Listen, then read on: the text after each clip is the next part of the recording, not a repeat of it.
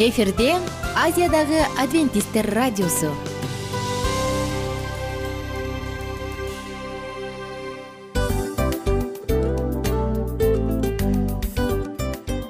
Достор салют. Баардык сүйүктүү угармандарыбызга салам айтабыз. Кутман күнүңүздөр менен.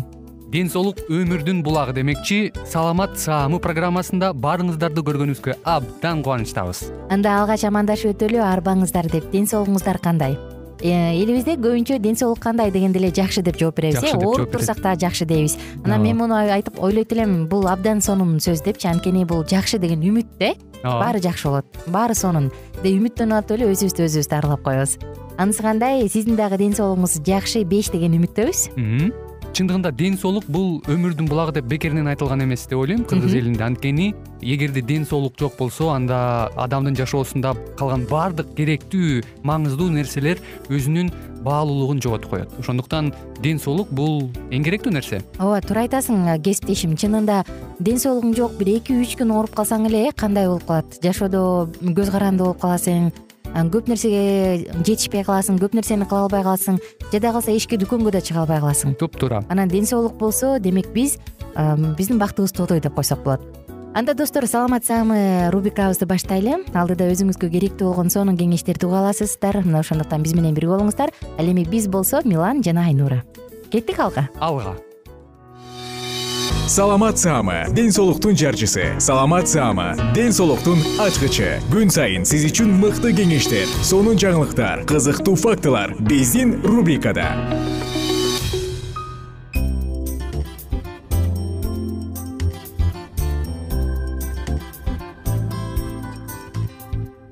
кутман күнүңүздөр менен айымдар мырзалар жалпыңыздар менен амандашып биз э, саламат саама рубрикасын баштадык. Бүгүнкү тема б жана с гепатит вирустук гепатит ооруларын профилактикалоо. Же алдын алуу деп аталат. Негизи э, бул кайсы бир гепатиттин түрлөрү кан аркылуу гана берилсе кайсы бирлери болсо күнүмдүк колдонулган тамак аш аркылуу идиш аяк биз колдонуп келген баардык каражаттар аркылуу берилет экен мына бул тууралуу алдыда кененирээк сөз кылабыз. Эгерде сиз дагы өзүңүздүн саламаттыгыңызга кам көрүп керек учурда сакчы урганга даяр турсаңыз анда бүгүнкү программа сиз үчүн биз менен бирге болуңуздар. Эми гепатит деген сөздү айталы э биринчи эле гепатит бул сөз менен сөз которгондо боор дегенде түзүлөт. Боордун түрдүү этиологиядан пайда болуп катуу кармаган жана өнөкөт сезгенүү ооруларынын жалпы аты гепатит деп аталат. Боордун түрдүүчө дарылоону талап кылуучу сезгениши баарыбызга белгилүү болгондой гепатит а б с д е түрлөрү бар э ал пайда кылган себебине жараша вирустук гепатит биринчилик жана экинчилик болуп айырмаланат анын катуу кармаган түрү курч түрү жана өнөкөт түрү бар. Боор катуу сезгенгенде алгач адамдын тамак ичкиси келбей эти ысып алы кетип муундары оң кабыргаларынын асты салмактанып ооруйт. Кийинчерээк оорунун негизги белгиси сарык пайда болот. Боордун өнөкөт оорусу көбүнчө катуу сезгенүү уланып өнөкөткө айлануудан жана жугуштуу мите ооруларынан уулануудан кээ бир дарыларды туура эмес ичүүдөн пайда болот. Сезгенүү процесси көпкө созулганда боор клеткалары өлүп бириктиргич ткандар өсүп циррозго алып келет. Боор ишинин бузулушуна жараша оорулуу адамдын боору көк боору чоңоет. Эти ысып териси саргая баштайт. Гепатит жылдап созулат. Мындай оорулууну ооруканада дарылайт каттоого алат алдын ала алыш үчүн жугуштуу ооруларды туура дарылоо уулануудан сактануу жана туура тамактануу чоң мааниге ээ. Гепатиттерди дарылоо үчүн заманбап илим тарабынан интерферонду дене тарабынан ага кандайдыр бир инфекция киргендигине карата жооп катары бөлүнүп чыгарыла турган заттарды пайдалануу сунушталат.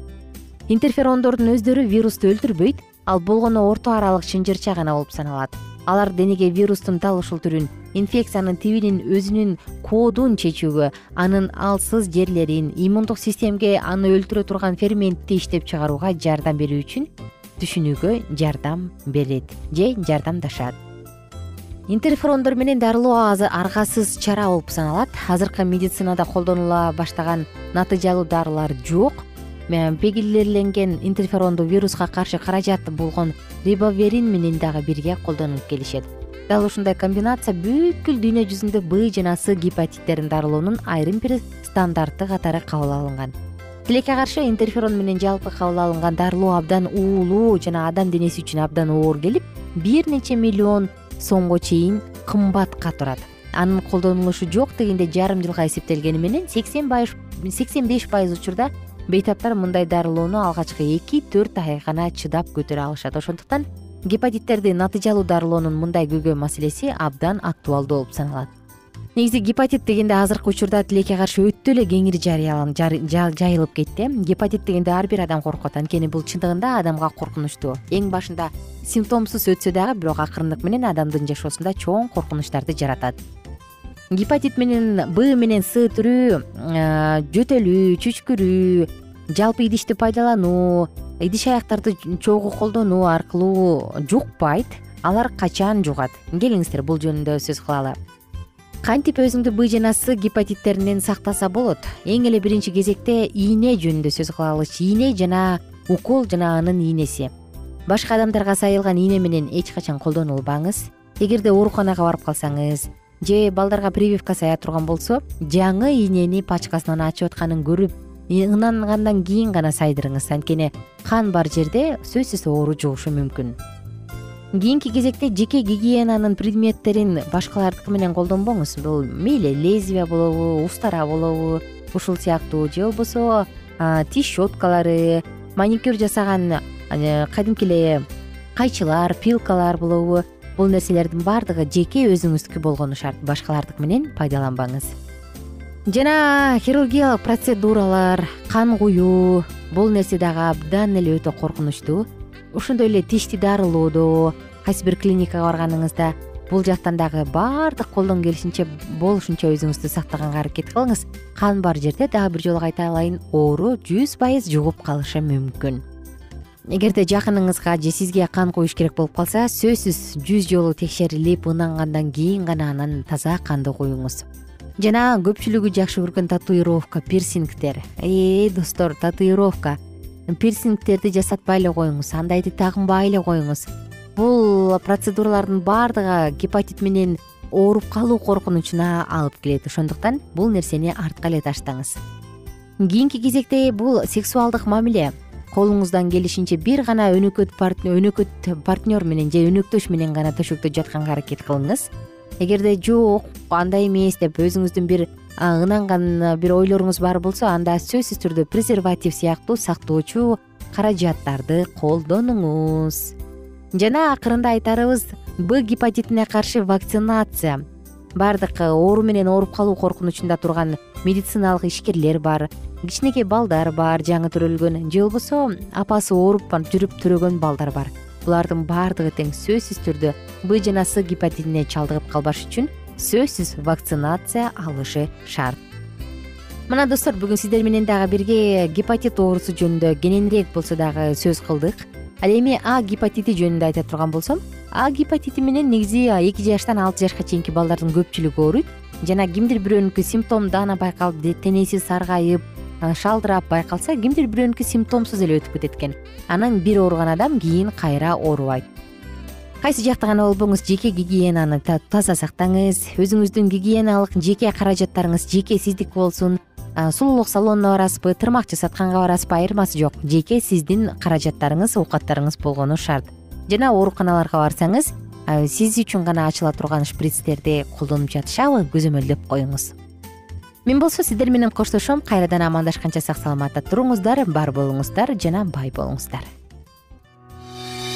Саламат саама ден соолуктун жарчысы. Саламат саама ден соолуктун ачкычы. Күн сайын сиз үчүн мыкты кеңештер сонун жаңылыктар кызыктуу фактылар биздин рубрикада. Салют замандаштар баарыңыздарга ысык салам. Дил маек программабызга кош келиңиздер дил маек рубрикасы дегенде эле бул эмне болгон дил маек ким менен маектешебиз деп сурайт болуш керек угармандарыбыз бул рубриканы кыскача тааныштыра кетип турган болсок ар тарап кесип ээлеринен болгон сонун интервью кеңештер бар ооба. жылдыздар менен болгон маек бар аталарыбыздын агаларыбыздын чоң аталарыбыздан сонун кеңештер бар. Ошондой эле эже сиңдилердин кеңештери бар айтор баардык кызыктардын баары алдыда негизи эле адам баласы бир кимдир бирөөнө ишенип сырын ачкысы келет эмеспи э мындай баарлашууга жакын келебиз го. Албетте. Негизи бир жерге отуруп алып кенен шашпай баягы жүрөктөн жүрөккө ачып сырларыбызды ар кандай көйгөйлөрүбүз менен бөлүшүп баягы чын жүрөктөн маек курганды кимибиз сүйбөйбүз э? Ооба десең ал нерсеге суусап да келебиз да. Ооба кээ бирде адамга чындыгында баягы э, ысык маек баягы жылуу маек жетишпейт да ошондуктан биз ушул рубриканы ойлоп тапканыбызда эң биринчи эле достор сиздер менен чын жүрөктөн бир маңыздуу темаларды козгоп кеткени э, кааладык. Ошондуктан ушундай сонун бир рубриканы тартуулап жатабыз. Анын үстүнө радио дагы сонун дос да анткени э, мындай учурда досуңа айтсаң досуң досуна айтат досу досуна айтат да анан бүт өлкө билип калышы мүмкүн го. А радио болсо сени сатпаган сенин айыбыңды ачпаган. Сенин сырыңды эч кимге айтпаган сонун доссуң. Ошондуктан биздин алдыдагы айта турган кеңештерибизди биздин досторубуздун кеңештерин угуп анан ал жака пикириңизди дагы калтырып кайрадан биз менен байланышсаңыздар болот. Деги эле жашооңузга эгерде кичине болсо дагы өзгөрүү алып моралдык жактан нравовдук жактан сонун бир кеңештерди алсаңыз демек биз максатыбызга жеттик. Ооба. Чыңгыз атабыз улуу жазуучу. Чыңгыз айтматов айткандай адам болуу бул күнүмдүк процесс экен. Күн сайын адам бойдон калуу бул адамзатка эң эле эң кыйын дейт э? э эң кыйын дейт. Чындыгында бунун негизинде адамдын эң баягы сапаттуулугу адамдын э, адамгерчилиги жана көптөгөн керектүү нерселер. Мына ошол темалар дагы бизде э, ушул дил маекте биз аларды да козгойбуз. Ден соолук жөнүндө да сүйлөшөбүз. Сөзсүз түрдө. Анан милан мырза негизи айтып коюшат го биз көбүнчө эмнени ойлонсок ошол нерсеге карата иш кылабыз го. Ооба. Анан анысы кандай? Балким бул радио баракчада кимдир бирөөнүн оюн текшергенге жардам берет кимдир бирөөнүн жүрөгүн текшергенге жардам берет балким кимдир бирөөгө жашоонун маңызын тапканга жардам берер. Айтор кызыктын баары алдыда бул жөн гана кыскача жарнама анда угармандарыбыздын баардыгын кийинки рубрикабызга чакырабыз. Ал эми кызматта маңдайымда отурган кесиптешим милан жана мен айнура. Анда эмесе биз даярдаган терең терең ойлор менен таанышууга кеттик. Алыс алыс баралык анда эмесе достор биз менен бирге болуңуздар. Алдыда эң кызыктуу маалыматтардын баардыгы бир нече мүнөттөр бою жалгыз гана сизге арналат мына ошондуктан жакшы маанай менен угууну каалайбыз. Үн алышканча. Жөнөдүк. Ар түрдүү ардактуу кесип ээлеринен алтын сөздөр жүрөк ачышкан сыр чачышкан сонун маек дил маек рубрикасында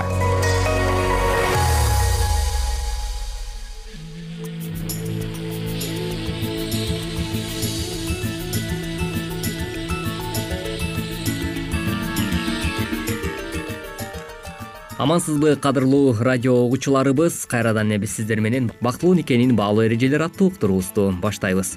Бүгүнкү программабызда биз кайрадан эле дал ушул балдарыбыздын өсүп жетилүүсүндө ата эненин салымы кандай болуш керек ушул туурасында бир нече кеңештерибизди кайрадан эле бөлүшөбүз. Тактап айтканда адистердин бүгүнкү күнүнө берген кеңештерине сиздердин э, кулагыңыздарды төшөңүздөр деп чакырып өтмөкчүбүз. Микрофондо кайрадан эле кызматыңыздарда аты жөнүм улан кубанычбеков жана ошондой эле менин кесиптешим. Саламатсыңарбы жана мен асель мамбетова бүгүнкү учурда адистердин изилдөөлөрүнө э, таяна кетсек мисалы эне баланы үч жашка чейин үйдө кармап э, тарбиялаганы абдан маанилүү экендигин тастыкташкан экен. Чындап эле биздин кыргыз элибизде деле ушундай болуп келген десек жаңылбайт болушубуз керек. Эзелтеден биздин ата энелерибиз дагы э, нукура баягы өзүбүздүн маданиятыбызга өзүбүздүн үрп адатыбызга жараша балдарын жана кыздарын тарбиялап өстүрүп келген эмеспи. Андыктан негизи эле баягы э, үй бүлөдө ата менен эне э, балдарды тарбиялоо жаатында аталарга салыштырмалуу энелер сексен сегиз пайызын бул эне тарбиялайт деп дагы э, айрым адистер айтып келишет. Андыктан чындап эле көбүрөөк убакытты баягы апалар үйдөн балдар менен өткөрөт эмеспи ушул жаатта кесиптешим сен дагы бүгүнкү күндө эне катары бул ойго кандай бир өзүңдүн ойлоруңду кошумчалай кетет чын эле бала тарбиялоо негизи эненин сүтү менен тарбияланат дейт го. Ошол учурда чын эле эне дайыма бала менен болгондуктан бала бүт энеде эмне болсо анын үрп адаты анын турганы отурганы ошонун баарын бала өзүнө сиңирип алат.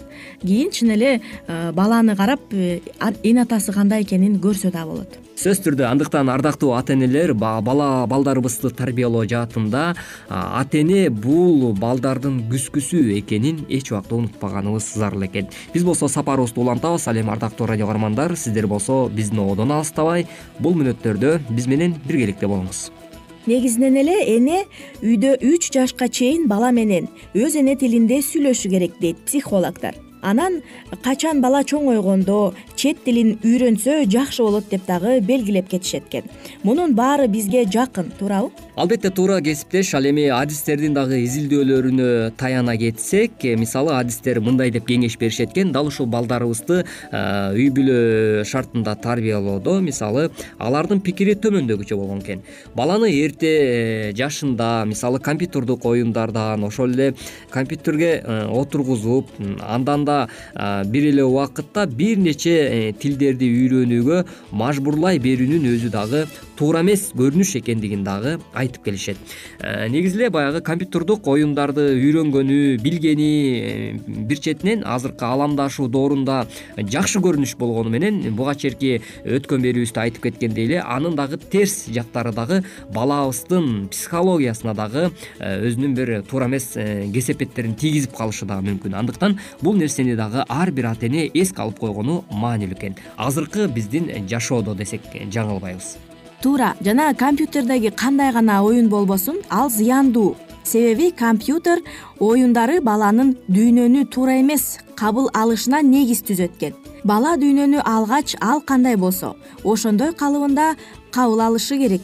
Андан кийин гана компьютердин көзү менен карасын деп кеңеш берип кетишет экен кээ бир психологдор кээ бир ата энелер дагы бир ишти тез арада бүтүрүшү керек болгондо же меймандар үйгө келип калганда баласына мультфильм коюп берип э, кутулушат экен. Жана мисалы телефонун берип коюшат балага. Бул баланын өз алдынча иштеп көнбөгөнүн билдирет экен.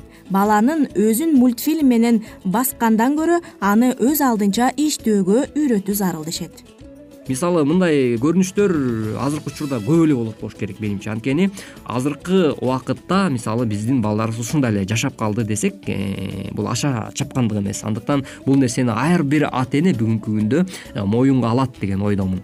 Андыктан ушул нерселерди алдын алууда биз эмне кылышыбыз керек? Сөзсүз түрдө ар бир ата эне көңүл буруусу жана биздин балдарыбыз эмне менен азыктанып жатат эмнени э, кабыл алып жатат ушул нерсени көбүрөөк маани бере турган болсок анда бул сөзсүз түрдө э, жакшы жөнөлгө болуш керек менимче. Чын эле азыркы телевизордо карап турсаң мультиктердин баары илгерки биздин э, совет союзундагы мультиктерден таптакыр айырмаланган да. Аларда аябай сыйкырчы же башка дагы бир башкача күчтөр ушундай бир монстрлар жашоону башкача кылып көрсөтөт баланы чын эле. Оюнчуктар дагы карасаң таптакыр э, коркунучтуу десем да болот да. Сөзсүз түрдө. Мисалы алыска барбай эле менин өзүмдүн жашоомдун дагы мисал катары айтып өтөйүн. Анткени мен буга чейинки программаларымда да бир нече жолу өзүмдүн жашоом жөнүндө айтып келатам мисалы менин бүгүнкү күндө бир уулум бар. Анан уулума атайын компьютерди үйрөнсүн деп коюп бергем да.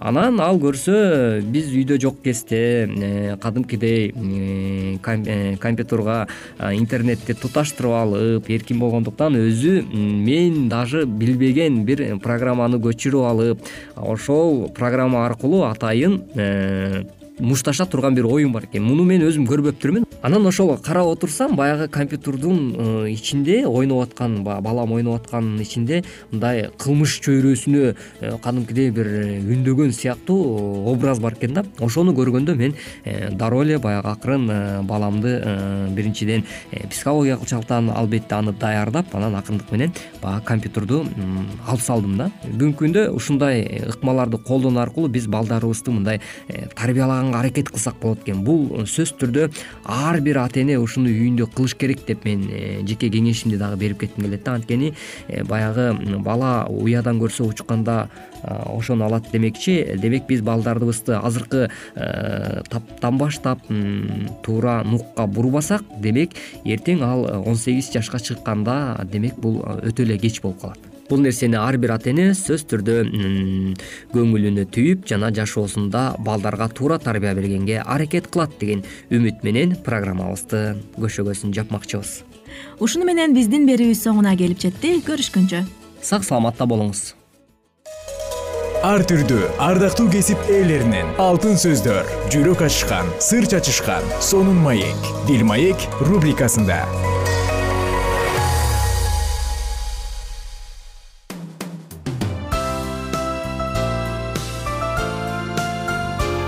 эфирде азиядагы адвентисттер радиосу.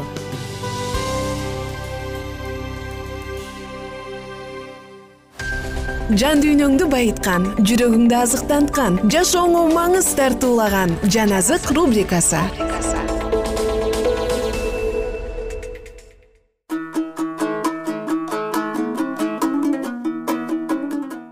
салам достор саламатсыздарбы ардактуу угармандар? Сиздер менен бирге жан азык рубрикасында биз накыл сөздөр китебин окуганды улантабыз. Биз менен бирге болуңуздар.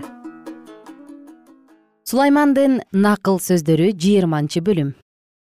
Шарап адамды шылдың кылат. Күчтүү ичкилик адамды оолуктурат. Буларга берилгендердин баары акылсыз. Падышанын каары арстандын айкырыгындай аны каарданткан адам өзүнө каршы күнөө кыла калат. Чыр чатактан качуу адам үчүн айбийир ал эми акылсыз адам жаңжалчыл болот. Жалкоо адам кышында жер айдабайт уруу жыюу маалында издеп эч нерсе таппайт. Адамдын жүрөгүндөгү ойлор терең суулар. Бирок акылдуу адам алардан сузуп ала берет. Көптөр адамды ырайымдуулугу үчүн макташат бирок чынчыл адамды ким табат? Адил адам түз жүрөт анын артында калган балдары бактылуу. Сот тагында отурган падыша көз карашы менен бардык жамандыкты кубалайт. Мен жүрөгүмдү тазаладым мен күнөөмдөн тазамын деп ким айта алат? Бирдей эмес тараза бирдей эмес чен өлчөм теңирдин алдында жийиркеничтүү өспүрүмдүн жүрүм турумун туура же туура эмес экенин кылган ишинен билип алууга болот. Уккан кулакты көргөн көздү теңир жараткан. Жакыр болбошуң үчүн уктаганды жакшы көрбө көзүңдү ачып сергек бол ошондо нанды тойгуча жейсиң. Сатып алуучу жаман жаман дейт. Бирок мындай басканда жакшы жакшы деп мактанат. Алтында көп эрмет да бар бирок акылдуу сүйлөгөн ооз алардан кымбат. Бирөөгө кепил болгон адамдын көйнөгүн алып кал. Чоочун бирөө үчүн кепил болгон адамдан күрөө ал. Алдамчылык менен табылган нан таттуу бирок жегенден кийин ооз шакылга толот. Ой максат кеңеш аркылуу бекемделет. Кеңешип алып согуш жүргүз сөз ташыган адам бирөөнүн сырын ачат. Оозун чоң ачкан адам менен байланышпа. Атасы менен энесине тил тийгизген адамдын чырагы коруу караңгылыкта өчөт. Шашылыш тартылып алынган мурас бата алып келбейт. Жамандык үчүн өч алам дебе. Теңирге кой ошондо ал сени сактайт туура эмес тараза таштары теңирдин алдында жийиркеничтүү туура эмес таразалар жакшы эмес. Адамдын кадамын теңир багыттайт. Ошондуктан адам өз жолун кантип биле алат. Шашып убада берип коюп андан кийин ойлонуу адамга тузак. Акылдуу падыша мыйзамсыздарды сапырат аларды дөңгөлөк астында калтырат. Адамдын руху теңирдин чырагы ал адамдын жүрөгүнүн тереңин сынайт. Падышаны кайрымдуулук менен акыйкаттык сактап турат. Ал өз тагын ырайымы менен кармап турат. Жаштардын атак даңкы алардын күчү. Ал эми карылардын сөөлөтү алардын ак чачы. Таяктан алган жараат кыянаттыкка каршы даба ичти аралап өткөн соккулар жамандыкка каршы даба сулаймандын акыл сөздөрү жыйырма биринчи бөлүм. Падышанын жүрөгү теңирдин колунда. Ал аны агын суудай каалаган жагына бурат. Адамдын бардык жолу өзүнө түз көрүнөт бирок жиректүү теңир салмактайт. Курмандык чалганга караганда акыйкаттык менен чындыкты сактоо теңирге көбүрөөк жагат.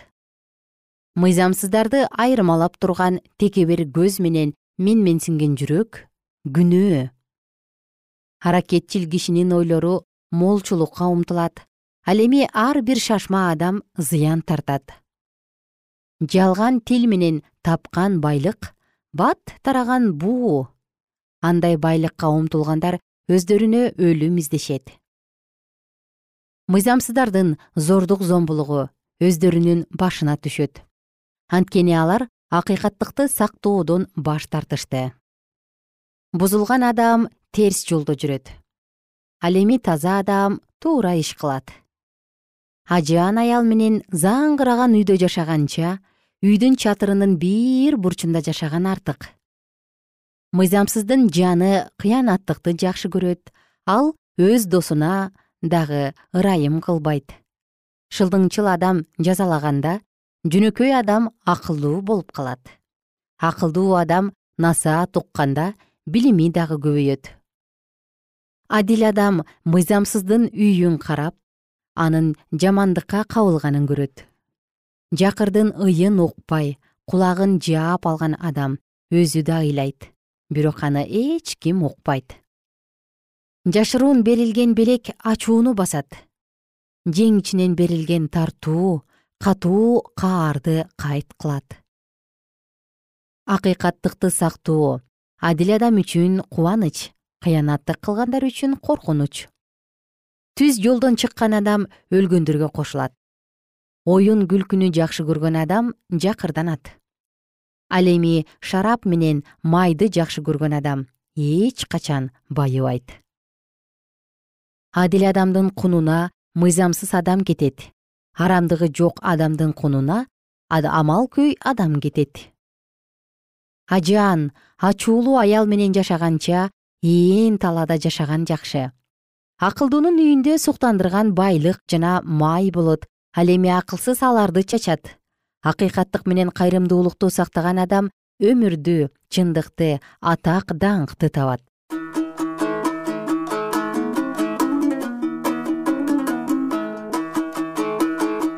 кымбаттуу достор бүгүн сиздер менен дагы сонун сөздөрдү окуп өттүк. Чын жүрөгүңүздөн эгерде бул сөздөрдү колдонууну кааласаңыз анда сөзсүз түрдө жашооңузга чоң таасирин тийгизет. Жана жогоруда айтылгандай ар бир нерсенин өзүнүн жемиштүү орчу учуру бар эмеспи. Сиздин оро турган жемишиңиз албетте жемиштүү жеңиштүү жана эң таттуу жемиштерден болмокчу. Кайрадан жалпыңыздар менен убактылуу гана коштошобуз кийинки уктуруулардан амандашканча